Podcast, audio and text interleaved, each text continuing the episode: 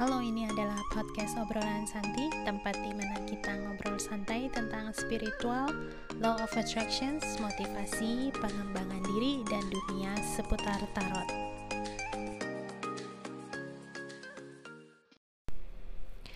Kita masuk ke episode ketiga podcast kali ini. Ya topik sekarang ini yang mau saya angkat adalah tentang lucid dreams dan astral projections. Ya oke jadi kedua topik ini kedua hal ini mirip-mirip tapi beda-beda juga. Ya jadi kita uh, bahas tentang perbedaan mereka terus kemudian pengenalan lebih dalam tentang lucid dream dan astral projections. Oke sebelum masuk ke topik pembahasan saya disclaimer dulu ya bahwa semua bahan pembahasan di obrolan Santi baik di channel YouTube maupun di podcast merupakan kumpulan bahan-bahan yang saya baca dari buku terus kemudian dari sumber yang terpercaya di internet. Ya jadi udah uh, dicek dulu baik dari uh, sumber internet maupun dari yang buku terus kemudian juga ditambah dari pengalaman saya pribadi namun apa yang saya sampaikan ini merupakan sharingan pengalaman personal ya sehingga tidak bisa dijadikan sebagai bahan perwakilan patokan semua pendapat Oke, okay? itu disclaimernya saya. Baik, kita udah masuk disclaimer, kita langsung masuk poin pembahasan kita. Oke, sekarang kita bahas dulu tentang lucid dream ya. Lucid dream itu apa? Oke, okay, uh, eh, lucid dream ya, uh, dream artinya mimpi ya. Terus kemudian lucid itu mungkin sesuatu hal yang lebih um, intens ya. Terus kemudian uh, bagi saya lucid dream merupakan sebuah pengalaman mimpi yang disadari ya yang bisa kita uh, ingat dan kita sadari dan kita bisa mengendalikan arah perkembangan mimpi tersebut. Nah biasanya kalau kita lagi tidur ini ya, kalau kita mendapatkan mimpi itu biasanya kita nggak bisa kendaliin kira-kira uh, hasil mimpinya tuh akan seperti apa. Contohnya gimana? Contohnya misalnya kita mimpi dikejar seekor anjing, katakanlah seperti itu ya dalam mimpi tersebut kita mungkin ada perasaan takut kita lari ya terus tiba-tiba di depan kita nggak uh, taunya muncul pohon besar. Terus kemudian tiba-tiba kita di dalam mimpi tersebut uh, manjat pohon. Terus kemudian pada saat manjat pohon di depan tertawa ada pintu. Pada saat kita buka pintu tersebut eh nggak taunya uh, loncat ke mimpi bagian lain. Misalnya di dalam ruangan tiba-tiba ada kayak kita di dalam ruangan uh, pesta dansa. Terus kemudian kita lihat orang ini kita lihat orang itu mungkin seseorang yang bisa kita kenal seseorang yang nggak bisa yang seseorang yang mungkin kita nggak kenal. Nah intinya biasanya kalau kita secara normal dan alami kalau misalnya tidur bermimpi umumnya kita nggak bisa mengendalikan arah mimpi tersebut. Nah lucid dreams adalah sama kita bermimpi tetapi kita menyadari bahwa itu adalah mimpi dan kemudian kita bisa kendalikan kita bisa kontrol arah uh, mimpinya kita itu seperti apa Uh, seperti contoh tadi ya, misalnya kita bermimpi dikejar seekor anjing. Nah, karena kita sadar oh anjing ini mungkin adalah seekor anjing apa jenisnya. Kemudian untuk ngelawan anjing ini kita perlu misalnya ambil tongkat lah atau apa. Nah, kita bisa menciptakan misalnya tiba-tiba ada tongkat di tangan kita, terus kemudian mungkin kita uh, mengayunkan tongkat tersebut kepada anjing. Anjingnya tadi kejar kita malahan jadi lari balik ya. Terus kemudian kita bisa tahu nih di dalam mimpi tersebut kira-kira setelah uh, melewati uh, mimpi tersebut ya habis mimpi anjing ini kita mau bawa ke mana? Misalnya masuk ke ruangan terus di, di ruangan itu uh, mau bagaimana dekorasinya terus cara kita berbicaranya segala macam. Nah ini yang disebut sebagai lucid dreams ya. Jadi kita bisa mengendalikan alur arah mimpi kita tersebut Nah, lucid dreams ini kebanyakan ya kalau misalnya kawan-kawan menggunakan uh, law of attractions ya uh, banyak sekali informasi di internet ya yang mengatakan kalau kita ingin memanifestasikan sesuatu kita menggunakan uh, hukum tarik menarik atau law of attractions ini sangat baik untuk membantu meningkatkan vibrasi energi kita dengan visualisasi. Nah, visualisasi ini kebanyakan para orang-orang yang bisa lucid dreams mereka membayangkan bahwa mereka itu sudah mendapatkan apa yang mereka inginkan. Contoh katakan uh, saya menginginkan sebuah rumah katakanlah Nah, biasanya kalau kita dalam keadaan sadar, kita memvisualisasikan sesuatu uh, cukup sulit ya karena kesehariannya kita misalnya kita sibuk di kantor pada saat kita pulang ke rumah kita udah capek kita memvisualisasikan harapan dan keinginannya kita tuh umumnya nggak kecapai perasaannya karena itu dia karena udah kecapean apalagi dengan uh, perasaan emosi yang ada dari kantor lah atau pekerjaan atau sekolah atau kegiatan sehari-hari. Nah, kalau para praktisi lucid dreams, mereka biasanya bikin atensi sebelum tidur bahwa mereka uh, bermimpi ya, ingin bermimpi uh, memiliki rumah tersebut. Jadi pada saat mereka masuk pada level uh, otak istirahat, terus kemudian mereka alam kesadarannya tuh masuk pada level mimpi tersebut, mereka mulai bisa menggambarkan kira-kira rumahnya mau cat yang bagaimana, terus kemudian tangganya gimana. Mereka bisa mengatur itu semua. Jadi mereka bisa membayangkan hal tersebut dengan nyata. Dan karena uh, mendapatkan hal tersebut di depan mata, jadi dia bisa merasakan uh, feelsnya ya, perasaan memiliki hal tersebut. Jadi orang mengatakan kalau misal kamu bisa lucid dreams uh, apa pun yang kamu inginkan apa pun hal yang ingin kamu wujudkan itu bisa kamu dapatkan jadi dengan mengeluarkan energi uh, tersebut alam semesta akan merespon akan membantu kamu membawa supaya kamu mencapai tujuan dan harapannya kamu oke jadi lucid dream ini mungkin kita simpulkan sebagai uh, seseorang yang bermimpi namun menyadari dengan sadar uh, apa yang dia ciptakan, apa yang dia kendalikan dalam lingkungan area sekitar mimpinya tersebut. Ya, oke, okay, ini adalah lucid dreams. Kayak definisi lucid dreams. Terus kemudian sekarang kita masuk ke astral projections ya. Apa itu astral projections? Untuk kawan-kawan yang mungkin pernah nyimak penjelasan saya di YouTube ya mengenai astral projection, mungkin di situ saya ada awal uh, video tersebut adalah menjelaskan membawa-bawa kata-kata mimpi. Jadi ini mungkin sering uh, disalahpahami sebagai penjelasan lucid dreams ya, tetapi maksudnya saya menggunakan kata-kata mimpi ini sebagai untuk kita yang belum pernah mengalami yang namanya astral projection setidak-tidaknya ada sedikit gambaran ya. Tapi uh, yang saya mau bahas balik lagi ya astral projection itu apa? Oke, okay. uh, astral projection itu sebenarnya proses ya, proses uh, rohnya kita beristirahat dan kemudian rohnya kita kembali kepada sumber uh, kekuatannya kita ya. Jadi uh, setiap manusia itu kan di dalam tubuhnya itu tinggal roh ya, tinggal mungkin kita bilang mungkin jiwa lah kalau mungkin ya.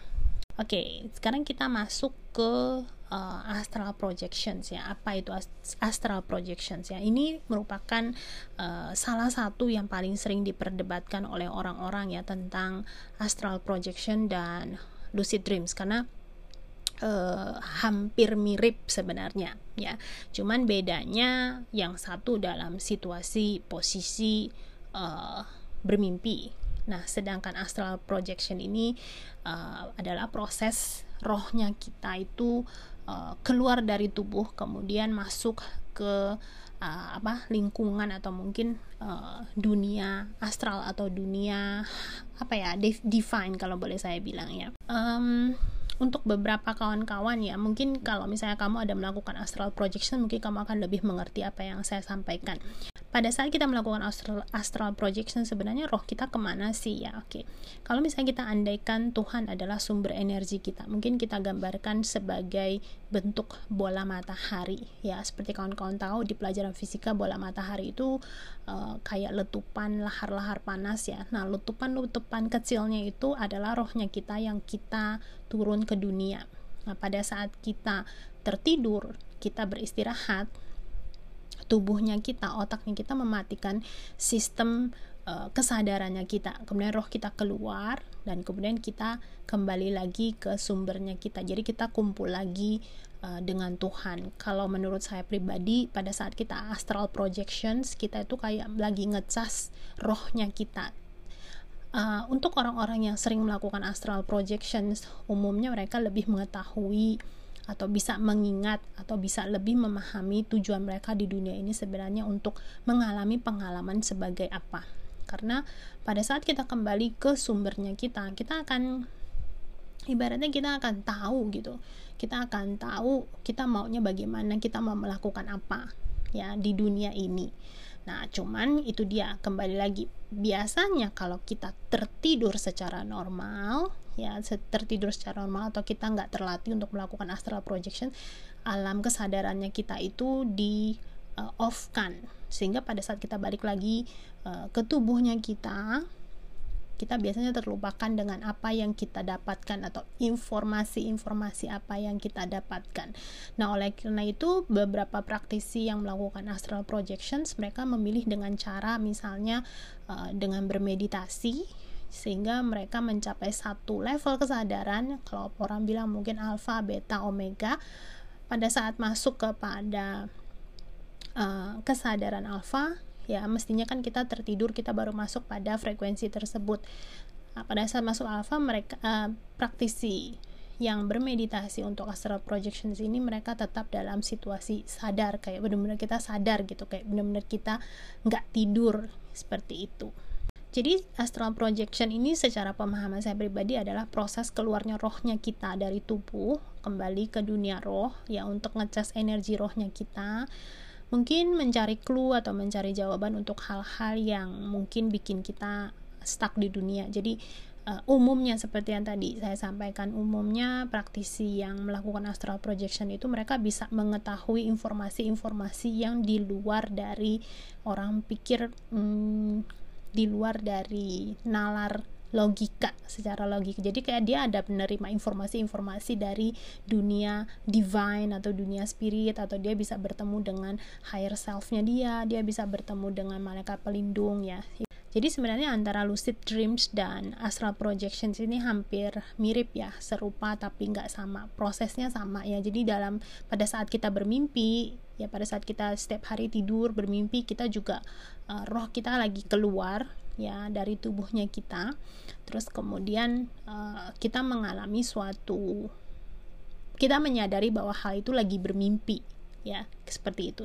Nah, sedangkan astral projections kesadarannya kita itu lebih uh, higher lagi, lebih tinggi lagi. Kita menyadari bahwa roh kita keluar dari tubuh. Kita ingat kalau roh kita itu keluar dari tubuh. Nah, kalau lucid dreams kita ingatnya kita lagi tertidur bermimpi.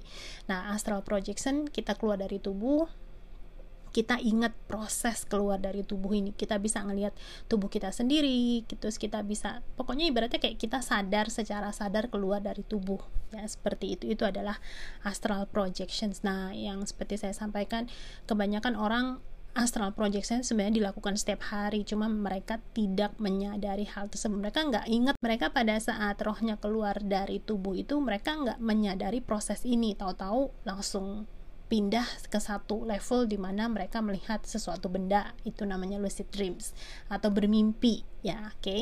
nah kalau astral projections pada saat keluar proses rohnya kita itu kita benar-benar fully understand kita benar-benar fully uh, conscious ya benar-benar sadar banget yang menjadi banyak pertanyaan mengenai astral projections ya yang saya dapatkan ya adalah apakah saat kita keluar dari tubuh ya tubuh kita dirasuki oleh roh lain ya. Se, di sini saya mau ngejawab uh, jawabannya adalah ya dan tidak ya kalau misalnya kawan-kawan kenal yang namanya perhitungan pakwa ya Pakwa itu dihitung dari tanggal lahir kita dan jam kelahirannya kita. Ya kalau boleh saya bilang mungkin ini passwordnya kita ya di dunia ini. Kalau sorry kalau nama mungkin username-nya kita. Nah sedangkan passwordnya kita mungkin tanggal lahir Nah, uh, perhitungan Pakwa ini kita bisa melihat ya karakter dan kriteria tubuh jenis tubuh kita masing-masing. Memang ada orang ya guys yang memang dilahirkan mereka memiliki Pakwa yang lebih rendah. Nah, tugasnya dia di sini memang mungkin untuk menyambungkan atau sebagai koneksi antara dunia roh dengan dunia tiga dimensi di dunia ini.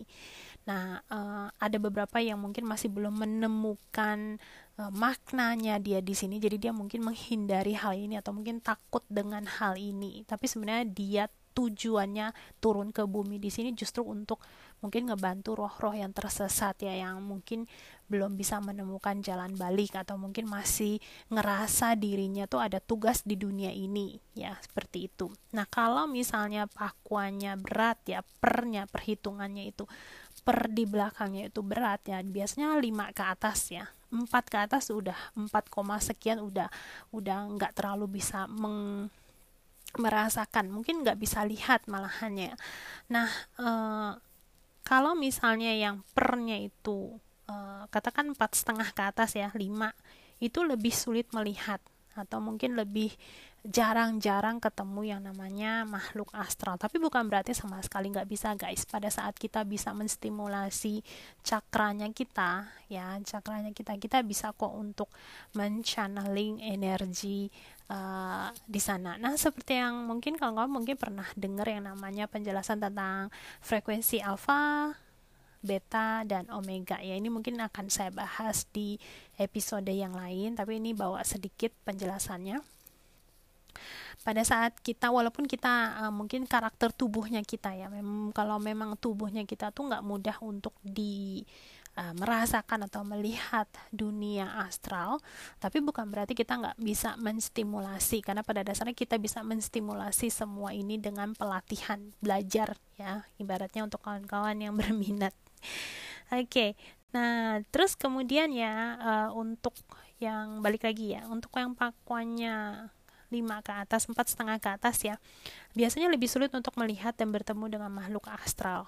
Ya. Jadi kalau pada saat kita melakukan astral projections, pada saat di sekitar kita ada roh yang frekuensinya mungkin ngepas sama tubuhnya kita, bisa aja guys kita dirasuki tapi di dunia roh itu ada aturan tersendiri ya jadi sama kayak di dunia tiga dimensi ini kita ada aturan tersendiri kita punya hukum-hukum tersendiri ya hukum gravitasi lah hukum ini hukum itu kita punya peraturan masing-masing. Dunia roh pun seperti itu. Sebelum kita turun ke dunia memutuskan terlahir ya uh, kita tuh punya skrip tersendiri. Ya kita bawa skrip kayak kita lagi main drama ya perannya kita apa? Uh, pada saat uh, momen kesekian kita akan memerankan sebagai apa? Mengalami pengalaman yang bagaimana? Kita mungkin menyelesaikan permasalahan apa? Atau mungkin kita memunculkan permasalahan apa untuk membantu memicu orang lain atau segala macam dan lain-lain. Jadi kita punya skrip tersendiri pada saat kita kembali ke dunia roh katakanlah tubuhnya kita katakan untuk yang sudah meninggal ya jadi dia rohnya uh, dia nggak ada tempat dia nggak ada cangkang untuk bermain di dunia tiga dimensi jadi rohnya keluar. Nah kalau rohnya itu secara alam kesadarannya mengerti bahwa dia sudah harusnya kembali ke dunia divine tapi dia masih ngerasa eh kayaknya masih hidup gitu ya ibaratnya. Uh, dia mungkin pada saat frekuensinya bertemu dengan sama dengan tubuh kita dia minjem tubuhnya kita dia minjem sebentar badannya kita. Tetapi untuk menggerakkan tubuh kita ya itu penuh perlu banyak energi ya. Jadi rohnya kita tuh perlu menggunakan banyak energi. Jadi umumnya berdasarkan pengalaman yang saya temui yang saya lihat sendiri terus kemudian yang saya ya kebanyakan yang saya lihat sendiri ya. Biasanya kalau kita dirasukin sama roh ya tubuh kita kalau dimasuki kerasukan ibaratnya itu nggak akan lebih dari 24 jam. Ya pada saat eh, jam-jam uh, tertentu itu dengan sendirinya roh kita keluar untuk beristirahat. Ya, jadi jarang sih saya ketemuin yang tubuhnya dimasukin atau dirasukin roh tuh sampai berhari-hari atau bertahun-tahun itu jarang ya. Jarang belum pernah sih saya nemuin ini mungkin kalau misalnya kawan-kawan ada pernah menemukan hal ini mungkin bisa sharing atau cerita di uh, kasih review ya di review atau di mungkin di uh, Instagram saya boleh sharing atau curhat mengenai pengalamannya kawan-kawan tapi kalau untuk saya pribadi belum pernah nemuin uh, kasus hal yang seperti itu Oke, okay? nah uh, ini ya penjelasan untuk kawan-kawan. Uh, nah, baik terlepas dari uh, kamu tertarik atau mungkin kamu bisa lucid dreams atau mungkin kamu terlatih dengan astral projections ya apa apa pun itu semoga sharingan saya ini bisa membantu untuk kalian semua lebih memahami lebih dalam tentang uh, lucid dreams dan astral projections okay? baik guys, segini aja dulu untuk episode kali ini. Ya, terima kasih untuk kawan semua yang sudah menyimak. Kalau misalnya kamu mendengarkan podcast ini dari Apple Podcast, ya boleh kasih saya review, kemudian kasih 5 bintang ya untuk ratingannya saya sebagai bentuk apresiasi kalian atas podcast saya ini. Baik, akhir kata ya guys, saya ucapkan semoga kalian memiliki hari yang indah, hidup yang menyenangkan, dan kita jumpa lagi di episode berikutnya.